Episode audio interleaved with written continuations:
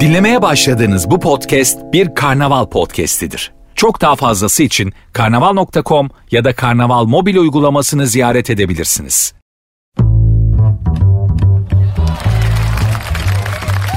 Herkese merhaba. Saat ünsüz başladı. Ben Nuri. Saat 22'ye kadar Kül kedisi Cinderella'nın ayakkabısını kaybettiği partiye gitmek için üvey annesinin evinden çıktığı saatlere kadar sizlerle birlikte olmaya, hoşça vakit geçirmeye, hoş sohbetle rehabilite edip kendi gerçekliğinizden biraz kopartarak başka şeyler düşündürtmeye çalışacağım. Yaparım yapamam bilmiyorum ama bu programda sert ünsüzde illaki kendinize göre bir şeyler bulacaksınız. Bu programda hatıralar anlatılır, tespit yapılır, çok bilmişlik yapılır, espri yapılır, bilgi verilir, Efendim mesaj verilir. Halı kenarına paspas kenarına overlock çekilir 5 dakikada verilir. bu sabah bu sesle fırladım yataktan. Ya o nasıl bir hoparlörle bağladıysa overlockçu adam sanki yanımda yatıyor yatakta megafonla kulağıma bağırıyor böyle halı kenarına paspas kenarına overlock çekilir 5 dakikada verilir falan diye. Ne oluyor dedim bir kere daha dinledim. Uyku sersemi tam anlayamadım çünkü anonsu. İlk anonsta çakoz ettim ki mahalleden overlockçu geçiyor. Lan oğlum overlockçu mahalle mahalle gezer mi hem de sabah sabah. Derken aklıma benim Robin'in yattığı paspasın kenardan faça verdiği geçti. Fırladım balkona overlockçuya seslendim. Hop baba bir dakika paspas işi var diye. Harbiden 5 dakikada verdi. Yani hep merak ederdim gerçekten bu overlockçular 5 dakikada veriyor mu diye. Veriyorlarmış. Bana, bana verdi 5 dakikada. Surat yaptı ama. Paspas e, benim köpeğin yattığı paspas olduğu için. Abi bunda it mi yattı falan dedi. Köpek tüylerini gelince. Evet ama ısırmaz dedim. O ara kafası karıştı ben uzadım hemen parasını verip. Şeyi fark ettim. Ya uzun uzun laf anlatmaktan acayip sıkılmışım. Ben artık üç kelimeyi kullanıyorum cevap vermek için. Her soruya üç kelime. Evet, hayır, belki. Bitmiştir. Çünkü detay verdikçe ömürden veriyoruz arkadaşlar. Hiç gerek yok. Ama programda uzun uzun konuşacağım. Hiç merak etmeyin. Programda evet hayır belki hı, ya, e, falan yapacak halimiz yok. Ama hayatta gerçekten kim ne sorarsa sorsun. Soru ne kadar önemli ve hayati olursa olsun kısa kesiyorum artık. Evet, hayır, belki, bakarız, olabilir. Tek kelimeye tek kelimeyle cevap veriyorum. Hayat ömürden veriyoruz çünkü. Uzadıkça laf uzadıkça uzuyor. Sordukça sor yeter be. Daraldım. En çok sorulardan soru, soru cevaplamaktan sıkılmışım. Bunu fark ettim hayatta ve artık kısa kesiyorum. Program hariç. Programda uzun uzun sohbet edeceğiz inşallah. Siz de katılabilirsiniz. Siz de soru sorabilirsiniz. Siz soru sorarsanız evet hayır belki diye cevap vermeyeceğim. Onları da uzun uzun cevaplarım programda. Programın Instagram ve Twitter adresleri aynı. Sert unsuz yazıp sonuna iki alt tire koyuyorsunuz. Benim Instagram adresim de Nuri Ozgul 2021. Sert unsuz başladı hanımlar beyler. Devam edeceğiz.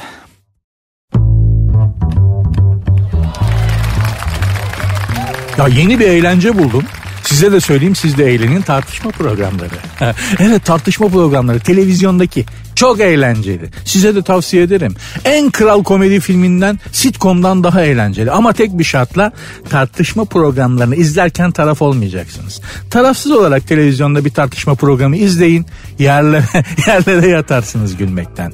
Daha dün bir tartışma programı izledim televizyonda. Mevzu şey bu koronavirüsün yeni bir varyantı çıktı biliyorsunuz. Mevzu o. İki tane bakteriyolog çıkarmışlar. Yani bakteri uzmanı. Adamlar profesör bu konu yani. Hem ikisinin de titri prof değeri bilmem kim bilmem kim. Şimdi biliyorsunuz tam onu bu bakteriyologların piyasa yapacağı zaman her kanalın bir bakteriyoloğu var. Kadrolu hademe gibi. Öyledir. Mesela bir dönem her kanalın bir ilahiyatçısı vardı. Her kanalın bir depremcisi vardır. Her kanalın iktidara yakın illaki bir siyaset yorumcusu vardır. İşte şimdi de bakteri zamanı, pandemi zamanı her kanalın kendi kafı, kendi meşrebine uygun bakteri uzmanı, bakteriyoloğu var. Bu tartışma programlarında e, iki tane isim tespit ettim mutlaka tartışma programlarına çağırıyorlar. Biri İsmail Saymaz, öbürü Nedim Şener. Tartışma programı varsa bunlar illaki var. Ya galiba böyle hani televizyon kanallarından bu Nedim Şener'le İsmail Saymaz'ın evlerine e, diyafon hattı var. Hani iş anlarında, esnaf dükkanlarında diyafon olur. Böyle basarsın, çay ocağına bağlıdır o diyafonun öbür ucu. Düğmeye basarsın, Yesterday erkek kuaförüne iki çay iki kahve falan dersin. Geliyor der o da falan. Bu İsmail Saymaz da Nedim Şener'in evinde de TV kanallarından çekilmiş diyafonlar var diye düşünüyorum. Tartışma programı olduğu zaman düğmeye basıyorlar. İsmail Bey akşam tartışma programı var diyorlar. Tamam geliyorum mevzu ne diyor. Takım elbise zaten hazır her an. Baba giyip geliyor. Şimdi her kanalın dediğim gibi bir de bakteriyoloğu var. Neyse bu iki tane profesör doktor bakteriyoloğu çıkarmışlar. yeni bir korona varyantını konuşuyorlar. Nasıl oldu bilmiyorum. Ne sebeple oldu? Nasıl başardılar? Bunlar birbirlerine bir daldı bir kapıştılar. Ya görsen hani profesör değil midye, midyeci ile kokoreççi zannedersin. Gece kulübünün kapısına hangisi tezgaha koyacak diye kavga ediyorlar falan zannedersin. Hani bakteri olsan ortaya çıktığını utanırsın lan benim, benim uzmanım bunlar mı diye bu tipler varken bu tipler varken yani adamlar profesyonel olmuşlar ama bu seviyede tartışıyorlar kavga ediyorlarsa mikrop olarak bana gerek yok zaten. Bir ara gerçekten adamları izlerken Mortal Kombat oynuyorum zannettim ya. Scorpion'la Sub-Zero kapışıyor gibi kapışıyor koskoca bilim adamları. Yeğenimle seyrediyoruz. en son yeğenim şey dedi. Ben siyahlıyı tutuyorum amca dedi. Siyah takım elbise giymiş. Proflardan birini tutuyormuş. Tartışma programlarının böyle klasikleri vardı. Aslında onlar çok tatlılar. Mesela nasıl? Hepiniz bilirsiniz. Ee, sözü karşı taraf tarafından kesilen biri şöyle der. Ben sizi dinledim ama adam şey dedi ya karşısına bana ne dinlemeseydin. ya bu kadar sa hani saygısızlık memlekette bu derece. Bana ne dinlemeseydin. Sen de benim sözümü kesseydin. Bunu diyenler koskoca bilim adamları, profesörler. Bir keresinde de şey oldu. İki e, siyasi partiden ikişer siyasetçi çağırmışlar. Tartışıyorlar tabii yani hani düzgün konuşma falan öyle bir şey beklenemez. Tartışıyorlar. Adamlardan biri karşı partidekilerin söylediğine hak verdi. Öbürü de itiraz edince karşıdaki şey dedi. Adamın doğru diyor ama. Arkadaş biz bunu çocukken top oynadığımızda falan söylerdik. Adamın penaltı diyor diye bir laf vardı. Karşı taraf penaltı diye tutturur. Sen de hayır değil dersin. Senin takımdan biri evet penaltı demişse karşı taraf bu argümanı senin aleyhine kullanır. Bak ama adamın penaltı diyor. Aynısı koskoca siyaset adamı bunlar. Bu agresif tartışmacı tipi. Bir de pasif agresif tartışmacı tipi var. Özelliği şudur. Kızınca küser bu ve susar. Siz ne diyorsunuz diye böyle sorarlar. Ya böyle kalemle oynarken ya yok ya ben bir şey demeyeceğim. Siz tartışın ya. Valla adam böyle küser pasif agresif tartışmacı içine kapanır. Bu pasif agresif tartışmacılardan biri böyle gene kızdı küstü bir anda şey demişti. Bu tartışma programına bir daha girmem. Sizle tartışmam. Hepinizle Whatsapp'tan engelliyorum. Hepinizle dedi. Whatsapp'tan engelliyorum dedi. Terazi burcu. Kesin terazi. Yükseleni de yengeç falan. Hanımlar beyler bizim televizyonlardaki tartışma programlarında her şey var. Bir şey yok. Beyin. Beyin. Dikkat edin. En sağlam argümanı söyleyen değil en çok bağıran karşı tarafı çemkirerek susturan üste çıkıyor. Bunu yapanlar da öyle sizin benim gibi hani sıradan insanlar değiller. Koskoca profesörler, siyasetçiler, gazeteciler, kanaat önderleri.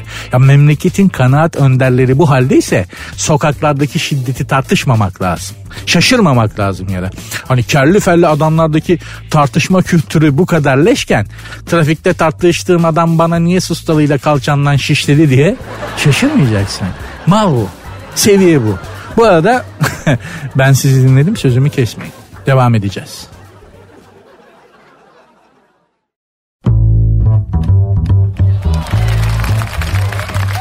Sert ünsüz devam ediyor. Takside %60 zam talebi. İstanbul Taksiciler Odası Başkanı Eyüp Aksu, biz İstanbul'da ulaşım sektörünün bakanlığımıza bağlanarak eski düzende yönetilmesini istiyoruz demiş ve eklemiş.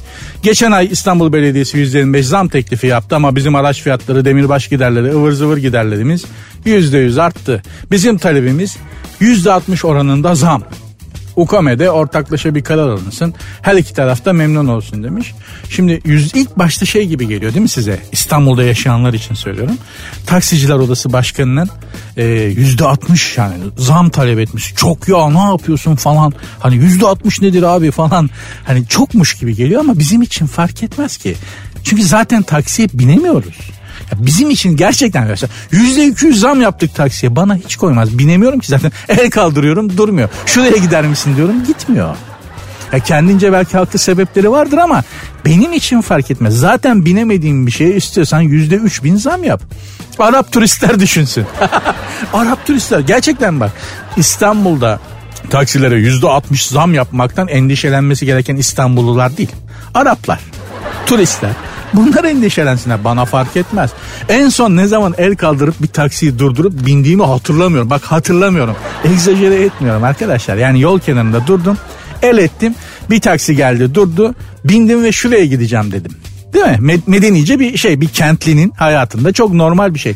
Bunu en son ne zaman yapabildiğimi hatırlamıyorum. Vazgeçtim en sonunda yapmaktan. İstanbul kart çıkarttım. Metroya falan biniyorum artık. Bir de şey var. Ya mesela taksiciye şey diyordum hiç unutmuyorum. Şişli'ye gideceğim. Ya abi orada trafik var be. Lan nerede yok ki? yani hani nerede yok bana onu söyle. Tamam mesela şeyde yok. Bostancı'da yok trafik.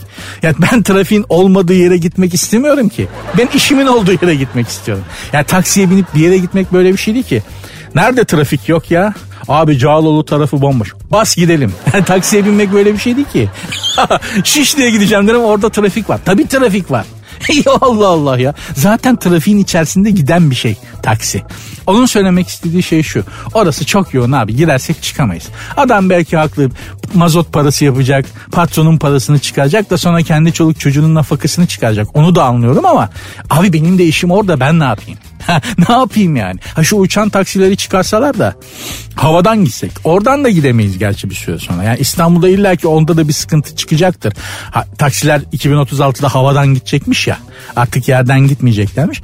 Onlar zaten bizi hiç görmez, hiç binemeyiz. Yani yerden gidenine binemiyoruz ama hiç olmazsa abi orada trafik var oraya gidemem mevzusu biter yani. Dolayısıyla her şeye çok fazla zam gelen bir dönemdeyiz. Dünyada öyle yani. Hani Amerikalılar falan ilk defa benzin istasyonlarında benzin fiyatının arttığını gördüler. Adamların şaftı kaydı. Biz alışkınız zaten. Disko topu gibi dönüyor fiyat etiketleri. Her gün değişiyor. Eyvallah bizim hani ezberimizde, hayat ezberimizde olan bir şey de Amerikalı, Alman falan böyle etiketlerin değiştiğini görünce ne oluyor? Ü- ülkede savaş mı çıktı? Naziler geri mi döndü falan diye Almanlar ne oldu? Hitler mi hortladı falan diye panik yapıyorlar. Fiyatlar zamlanınca. Yavrum sen gel hayat o hayat pratiği bizde var. Avrupa şu anda tam yaşanacak yer bize göre. Vallahi bak Avrupalılar düşünsün ya dünyanın bu halini. Biz bunu biz bunun provasını 300 senedir yapıyoruz yani. Bu arada gerçekten taksicilere de %60 zam gerekiyorsa yapılsın. %60 zam yapılsın taksimetrelere. Dediğim gibi zaten binemediğimiz bir şeye zam geldi diye üzülmenin gereği yok. Araplar düşünsün. Sert Ünsüz devam edecek hanımlar beyler. Programın Instagram ve Twitter adresleri aynı sert unsuz yazıp sonuna iki alt tere koyuyorsunuz. Benim Instagram adresim de Nuri Ozgul 2021.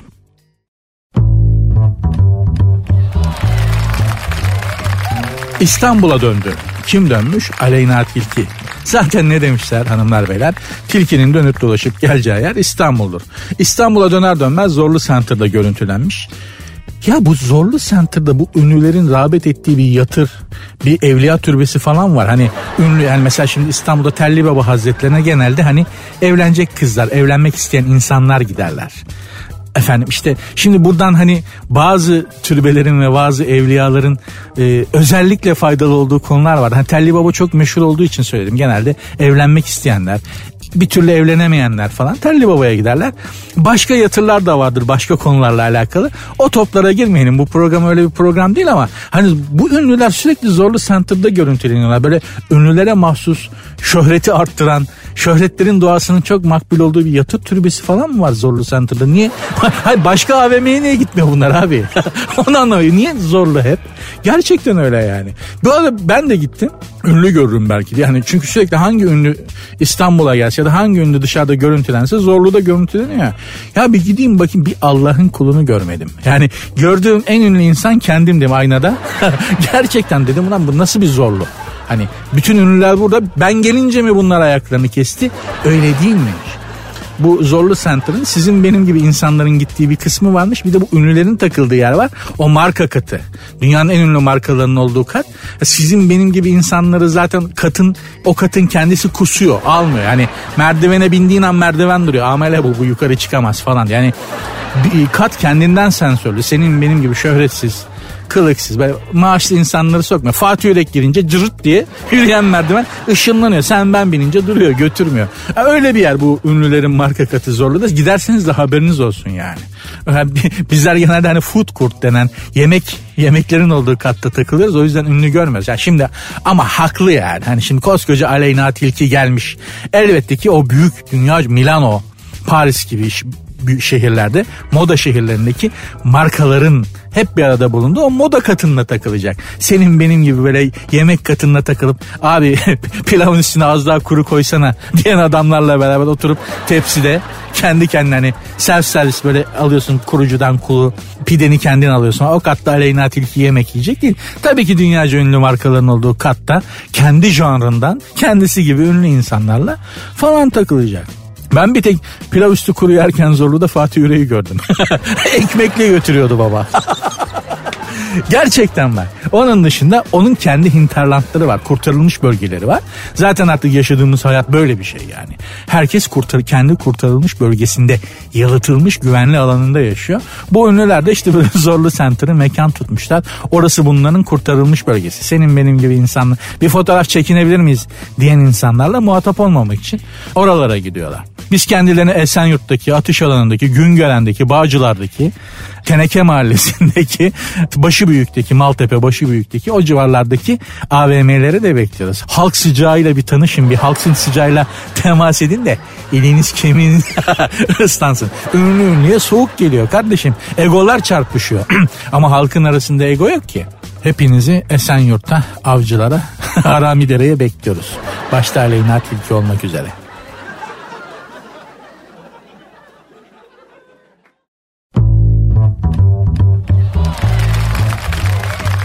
Sert Ünsüz devam ediyor. Yeni bir koronavirüs varyantı var biliyorsunuz.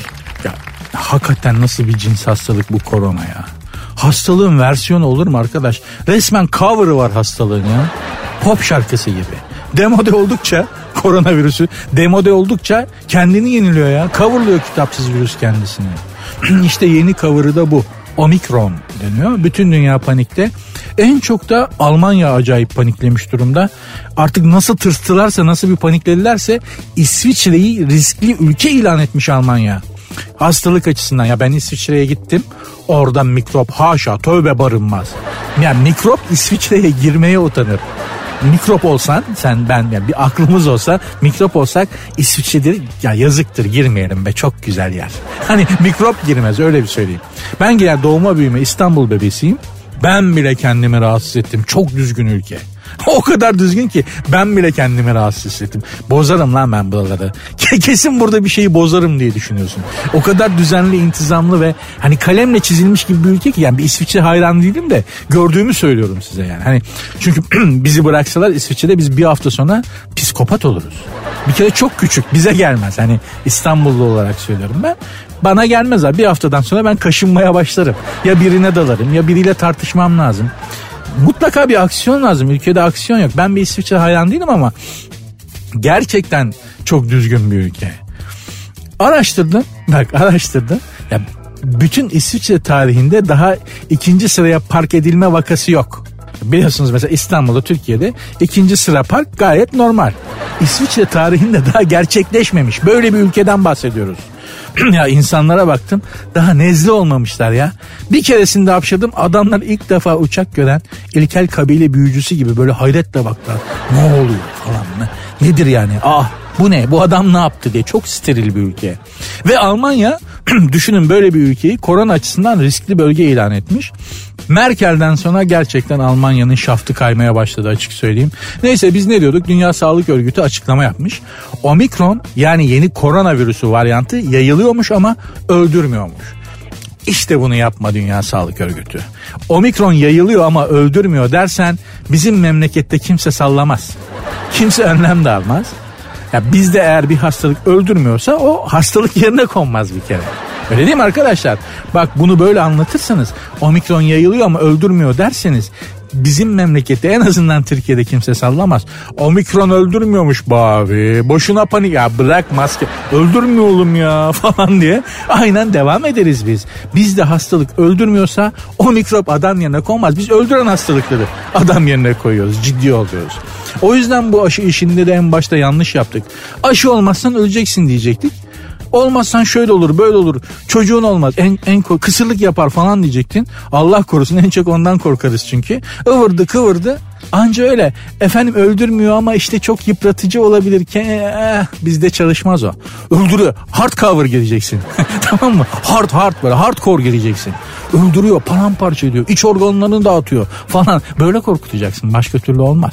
Dünya Sağlık Örgütü yanlış yapıyorsun. Bu dediğin dediğim gibi yani Amerika'da, İngiltere'de, Fransa'da bir etki yaratabilir belki. İtalya'da. İtalya'da bile yaratmaz. Onlar da Akdeniz'i. Öldürmüyormuş oğlum o mikron. Boş ver ya. Ya bırak omikron nedir ya? Öldürmüyor bile ya. Hastalık bile değil oğlum boş ver ya. Derler. Yapmayın.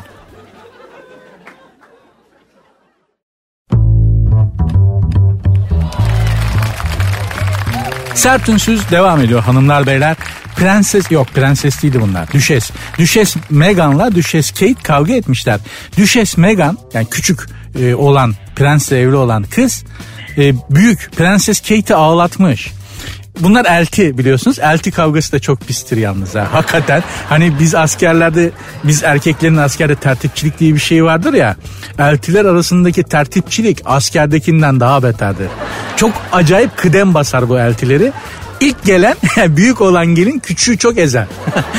tertipçilik yaparlar birbirlerine. İlk gelen sonrakini ezer. Belli ki bu Kate de Meghan'a tertipçilik yapmış. Evlilik de böyle bir şey. Bak bu Prens William'la Prens Harry tahinle pekmez gibiydi. Güzel güzel abi kardeş anlaşıyorlardı. Bir evlendiler.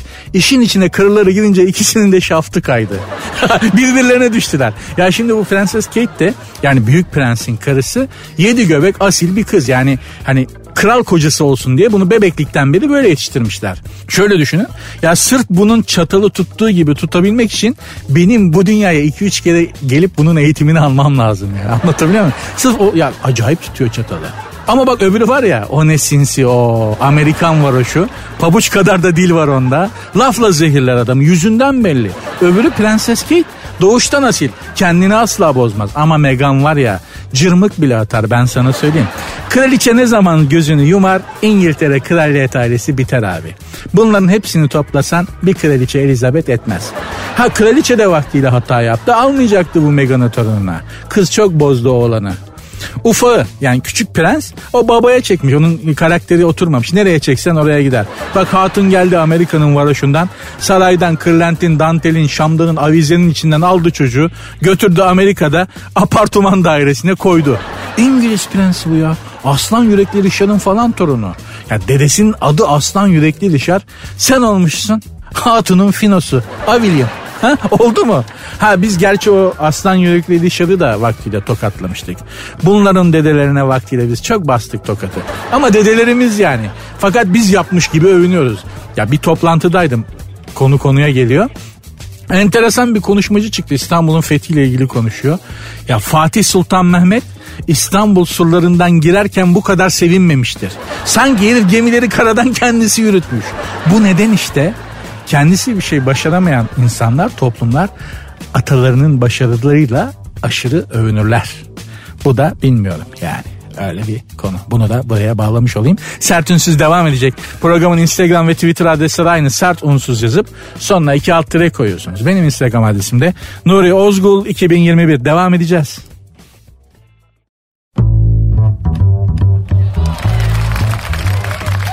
Sert Ünsüz devam ediyor hanımlar beyler. Nepal'de e, pistte arızalanan uçağı yolculara ittirmişler.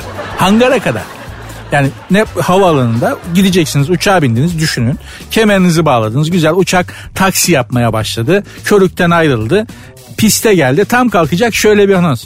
Ee, uçak çalışmıyor da bir el atıp in, hep beraber bir itebilir miyiz sayın yolcular? Söylediğim anlattığım şey egzajere bir şey değil. Nepal'de olmuş. Bu gene iyi. Bu gene iyi. Az geç Pakistan'a, Afganistan'a uçağı vurdurarak çalıştırıyorlar ya. Yolcular itiyor böyle. Pilot aniden hani arabayı böyle iterler ya aniden şoför marşa basar, gaza basar, araba bir silkelenip çalışır. Pakistan'da, Afganistan'da uçağı öyle çalıştırıyorlar. Ya Astana'dan Kazakistan'ın başkentinden Moskova'ya uçakla gittim vaktiyle. Pilot havada ara gazı yaptı uçakla ya. Dört kere. Uçak ara gazı yapar mı lan? Yapıyor. Kullandığımız aletler bizim huyumuzu alıyor. Mesela benim evdeki petekler doğalgaz petekleri. Bana benzediler. Ben sıcağı hiç sevmem. Petekler de ısınmıyor abi. Düğmeyi köklüyorum anca ılınıyor falan. En çok da arabalar benzer bize. İçlerinde uzun süre yaşadığımız için adama bak, şoförün sahibine bak. Onun huyu neyse arabanın da huyu odur. Hiç şaşmaz. Neyse mevzu o değil. Hani bir soru var ya tartışıp dururuz bunu. Cevabını da bir türlü bulamayız. Batı neden bu kadar ileride? İşte o sorunun cevabının tamamı bu haberde gizli. Bir kere batıda böyle bir şey göremezsin. Yani Londra Heathrow havalanında böyle bir şey olmaz. Oldu diyelim bunun sorumlusunu oyarlar. Kabak gibi oyarlar muhtemelen hapse girer. Şimdi git bu Nepal'de havalimanındaki bu kepazeliğin sorumlusu kim diye sor. Bir Allah'ın kulu benim demez. Çuvaldızı kendimize batıralım. İstanbul'un trafiği rezalet değil mi? Çık sor. Kim lan bu İstanbul'daki bu rezalet trafiğin sorumlusu? Çıksın ortaya de. Bir Allah'ın kulu el kaldırıp benim demez. Bulamazsın. Ya ben Beşiktaş'tayım. Beşiktaş takımının taraftarıyım. Beşiktaş çok kötü gidiyor. Kim bunun sorumlusu diyorsun? Hoca bir hafta ben değilim diyor. Bir hafta benim diyor. Doğu'da yani bizim buralarda sıkıntı bu. Kimse ihaleyi üstüne almak istemiyor. Nepal'de de öyle. Ben Nepal'e gittim. Fakirlikten kırılıyorlar bak. Kırılıyorlar adamlar yokluktan, fakirlikten, pislikten. Ben açım de, karnım açın de. Elindeki ekmek kabuğunu sana verir. Yarısını vermez ha tamamını sana verir. Hepsini verir. al sen ye diye. İnsana bir gülümseyerek bakışları var ya için erir. Böyle güzel insan bu Nepaliler ama sorun şu. Uçak arıza yaptı. Bir el atında hangara itelim denince ya siz ne saçmalıyorsunuz lan maraba mıyız biz diyecek tıynette ve bilinçte adam yok. Sıkıntı o. Yoksa hepimiz yani coğrafyanın doğu tarafı şeker gibi insanlarız o ayrı konu.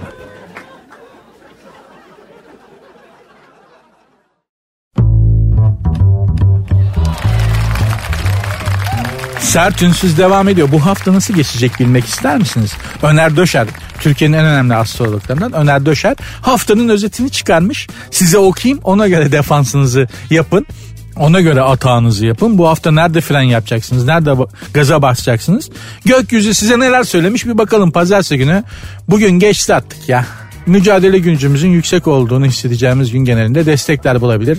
Yapacağımız paslaşmalar sayesinde etkili sonuçlar geç bugün patates oldu geç. Yarın salı günü sabah saatlerinde ikili ilişkiler anlamına güzel gelişmeler yakalayabilir misiniz? Öğleden sonra da kafa karışıklığı veya yanlış kararlar vermeye yönelik bir atmosfer oluşuyormuş. Dikkat edin. Çarşamba Mars Jüpiter karesi finansal konularda zorlu etkili. Çarşamba para pul işinde fazla zıplamayın. Ee, sabah saatlerinde beklenmedik inişler çıkışlar manipülasyonlar. Borsacılar, coinciler dikkat etsin çarşamba sabahı. Perşembe zorlu ve değişkin bir enerji akışı var. Şartlarda stabil kalmakta zorlanabiliriz. El frenini bir tık çekerek gitmek lazım. Perşembe günü hani gidiyorsunuz tamam ama bir, bir tık el frenini bir tık çekerek öyle gitmekte fayda var belli ki. Ne olacağı belli değil diyor. Cuma günü sürpriz beklenmedik gelişmelere açık bir enerji akışı varmış. Özellikle akşam saatlerine doğru rekabet ve güç çekişmelerine açık bir atmosfer olacakmış. Cuma akşamı kimseyle kapışmayın. Cumartesi Venüs Plüton kavuşumunun ilişkilerde olacakmış. Cumartesi pazar zaten tatil. Beni ilgilendirmez. Bunu bu söylediklerimi ciddiye almanızda fayda var. Çünkü bunları söyleyen Öner Döşer. Öner Döşer deyince 10 dakika duracaksın. Astroloji gezegenler bahsinde duayendir. Gezegenlerin açılarını falan iyi bilir. Ya adamın kendisi Öner Döşer'in kendisi Jüpiter'in uydusu gibi. Oradaymışçasına söylüyor gezegenlerin pozisyonlarını. Böyle bir adam. Kendim burcuma bakayım ben. Benim burcum terazi, yükselenim yengeç. Ay burcum akrep. Bermuda şeytan üçgeni yani bildiğin. Doğuştan gamlı baykuş. Benim burcumda retro varmış. Venüs geri gidiyormuş. Ulan Venüs mü başladı şimdi? Bu dönemde eski sevgililer yeniden hayatımıza girebilirmiş. Vallahi girdi. Ya girdi derken özür dilerim. Vallahi aradı. Aramadı yazdı İngiliz. 2008'de ayrılmıştık. Bak çok şaşırdım. Bugün Instagram'a bir girdim ki hello darling how are you diye bir mesaj. Bu kim hayırdır İngiltere kraliçesi bana mesaj mı yazdı? İngilizce bana kim yazacak derken. Abi baktım vaktiyle evvelden flört ettiğim İngiliz kız. Tabi de 2008'de ayrılmıştık. Şimdi how are you darling diye mesaj, mesaj atmış. 13 sene sonra. Bir de Instagram'dan yazdığına göre yani beni aramış bir çaba göstermiş. Ben aklıma gelmiş, aklına gelmişim. Beni aramış, Google'lamış internette, Instagram'da falan. Çünkü biz ayrıldığımızda Instagram diye bir şey yoktu. Hemen cevap yazmadım. İki gün sonra yazacağım ki o bak o da beni unutamamış. Mesajı görür görmez lapin balığı gibi atladı demesin. İngiliz sonuçta. Plancıdır bunlar. Kesin bu bana mesaj atarken önümüzdeki 5 seneyi planlamıştır. Dikkat etmek lazım. Tam şu hayatı artık bir düzene soktum diyorum. Tak 13 sene önce çıktığım İngiliz kız mesaj atıyor Insta'dan. Attığımız taşa bak tuttuğumuz kuşa bak arkadaş ya. Ya hayatım İbrahim Tatlıses'in şarkı klipleri gibi canına yanıyor. Kadınlar tanıştıktan sonra 7 saniye içinde erkek hakkında karar veriyorlarmış. Yani hayatında nasıl bir konumu olacağına dair erkeğin bir kadın merhaba dedikten sonra 7 saniye içinde kararını veriyormuş. Yani arkadaş mı olacak bir daha selamlaşmayacak mı? Evlenip ondan çocuk mu yapıp hayatın kalanını onunla mı geçecek? 7 saniye. 7 saniye içinde bu kararı veriyormuş zaten. Kendisi farkında olmasa bile bilinç altında. Yani bir hafta sonra hatunu etkilemek için aldığım parfümün bir, bir anlamı yok. Arkadaşım beyler hepimiz hani kadın zaten tanıştın merhaba dedikten göz göze geldikten 7 saniye sonra kararını verdi. Senin pozisyonun belli. Tanışmışsın bir hafta sonra hangi parfümü baharatlı mı sever acaba tarçın mı yoksa daha mı hafif kokular onlar geç onlar bitti zaten kadın kararını verdi.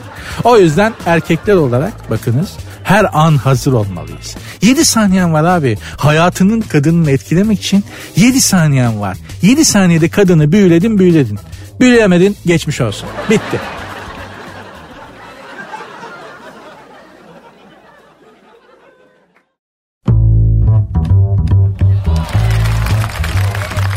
Size bir şey söyleyeceğim. Geçen günlerde bir haber vardı. Programda da bahsetmiştim. Ee, okuduklarımızın artık hepsi çöp oluyormuş. Yani 10 senede bir eğitimi yeniden baştan yenilemek gerekecekmiş. Öyle bir döneme geliyormuşuz. Yaşadığımız çağda bilgi çok çabuk eskidiği için yani üniversiteyi bitirdin 5 sene sonra öğrendiğin her şey patates. Yenilemen gerekecek. Böyle bir döneme doğru gidiyormuşuz. Okulda öğretilenlerden aklımızda ne kaldı hiç? Hiç düşündünüz mü? Ne kaldı okulda öğretilenlerden aklınızda? Yani Hani fiziği, kimyayı, matematiği, Türkçeyi, fen bilgisini onu bunu geç. Beden eğitiminden ne kaldı ya aklında? Beden eğitimi diye bir ders vardı. Bizim kuşak yani en az 6 sene okuduk bunu değil mi? Ortaokul, lise.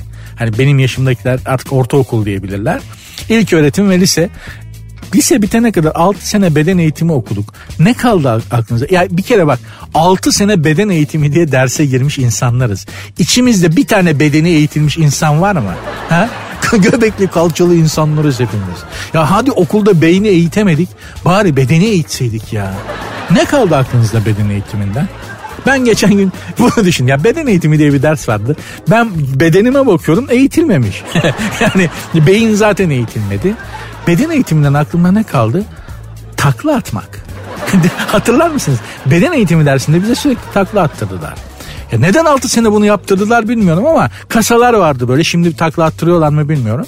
Üst üste koyardınız böyle bel hizasından biraz daha yüksek üzeri minderli koşarak gelirsin zıplarsın üstünde takla atarsın. Mühim olan da yere stil düşmek, nizami düşmek. Anlatabiliyor muyum? Ya bu takla neden bu kadar mühimdi? Neden 6 sene boyunca bu taklayı bize attırdılar? Hayatımda bir kere bile lazım olmadı ama Geçen gün aklıma geldi bu konuyu düşünürken. Dedim bir deneyim ya bir takla atayım. yani 6 sene dersini aldık kardeşim. yani vardır bir esbabı mucizesi diye. Bir takla atayım dedim. Bir takla attım.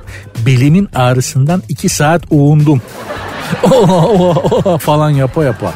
Sonradan fark ettim ki lan memlekette bu kadar taklacı boşuna yok bir sebebi var beden dersinden. Bu bize takla atmayı öğrete öğrete memleketin bir kısmını çok önemli bir kısmını değil ama bir kısmını taklacı yapmışlar. Bir ara benim dönemimde öğretmenden tokat yiyen çoktu. Memleketin bir kısmında da tokatçılık o yüzden rağbet gördü. Taklacı, tokatçı var beyni eğitemedik ama taklacı ve tokatçı çok çıktı memlekette yani bir dönem. 6 sene boyunca liseyi bitirmiş her vatandaş 6 sene boyunca her hafta en az 2 saat beden eğitimi dersi almış. Şekilli bir tane şekilli beden olmaz mı ya? Yani okulu bitir böyle geometri kitabı gibi çıkmamız gerek. 6 sene boyunca her hafta en az 2 saat beden eğitimi dersi yapıyorsun. Bir tane şekilli beden yok. Hepimizin böyle geometri kitabından çıkmış olması böyle üçgen vücutlar, eşkenar vücutlar, baklava karın kasları falan. Yok arkadaş yok şu, şu işi ya beden ibare etseydik dedim ya. Hani beyni tam eğitemedik okullarda. Bizim suçumuz değil. Bizi beynimizi zaten eğitmek istemediler. Soran, sorgulayan, yorumlayan, analitik düşünen insanları istemediler. Öyle olsaydı başka bir ülke, başka insanlar ve başka hayatlarımız olurdu. Öyle insanlar istemediler. Ezberci, yani fazla soru sormayan, propagandaya çabuk gelen insanlar istendi. Öyle insanlar da elde edildi zaten hepimiz az ya da çok böyle insanlarız. Kendi meşrebimize, ideolojimize göre gaza geliriz, propagandaya geliriz, hemen ikna oluruz. Ayrı konu da ya beyni eğitemedik hadi okulda yap şu bedeni eğitseydik ya. Yaşlılıkta hiç olmazsa sağlıklı insanlar olurduk. Olmadı. Takla ata ata 6 senemizde beden eğitiminde takla atmakla geçti. Heba oldu gitti. Eğitim ayrılmış yıllarımız böylece heba oldu gitti ya. Bazen çok üzülüyorum. Tahsil ki ben iyi bir iyi bir eğitim yaptım. İyi okullarda okudum. Yani ülkenin bu ülkenin en iyi liselerinden birinden ve en iyi üniversitelerinden birinden mezunum. Ona rağmen eğitim yıllarım boşa geçmiş gibi geliyorsa Allah geri kalanına yardımcı olsun yani.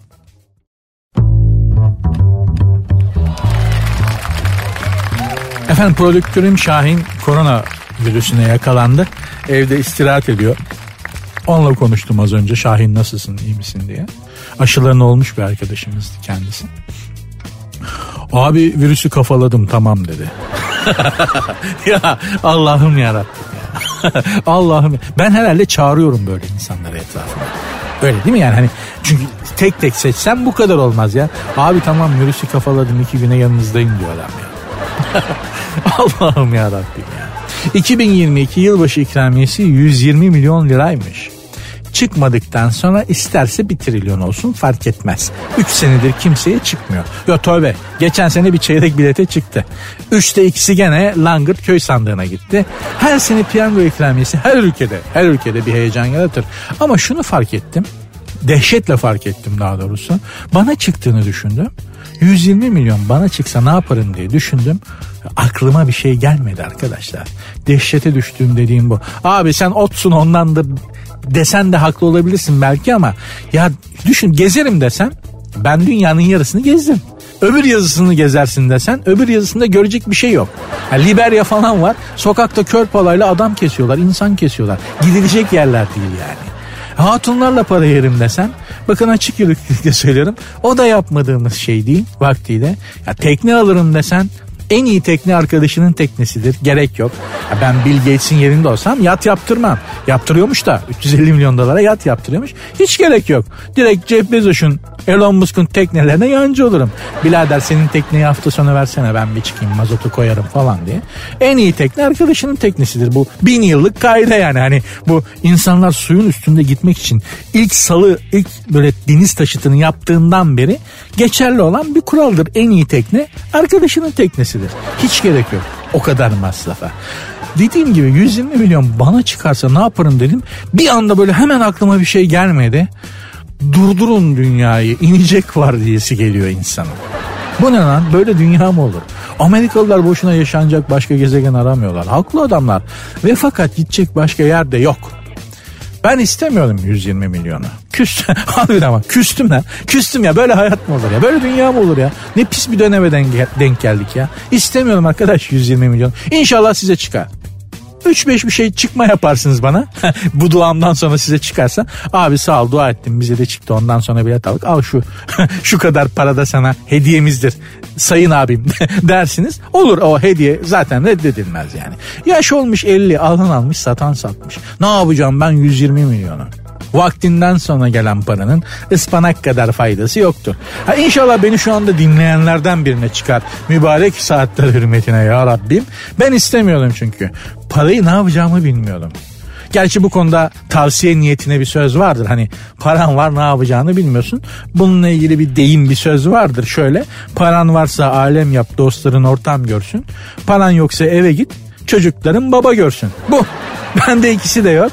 Ben nereye gideyim arkadaş? Neyse başımı nereye koysam orası evimdir benim de sonuçta. Görüşürüz. Bugün programı bağlar başı yapıyorum bu şekilde. Dediğim gibi yani meraklısı varsa Milli Piyango 120 milyon ikramiye inşallah beni dinleyenlerden hatta bu onunsu duyup da bana tweet atanlardan birine çıkar inşallah. Tweet ya da Instagram'dan bana ulaşabilirsiniz. Programın Instagram ve Twitter adresleri aynı. Sert unsuz yazıp sonuna iki alt tere koyuyorsunuz. Benim Instagram adresim de Nuri Ozgul 2021. Yarın görüşmek üzere. Dinlemiş olduğunuz bu podcast bir karnaval podcastidir. Çok daha fazlası için karnaval.com ya da karnaval mobil uygulamasını ziyaret edebilirsiniz.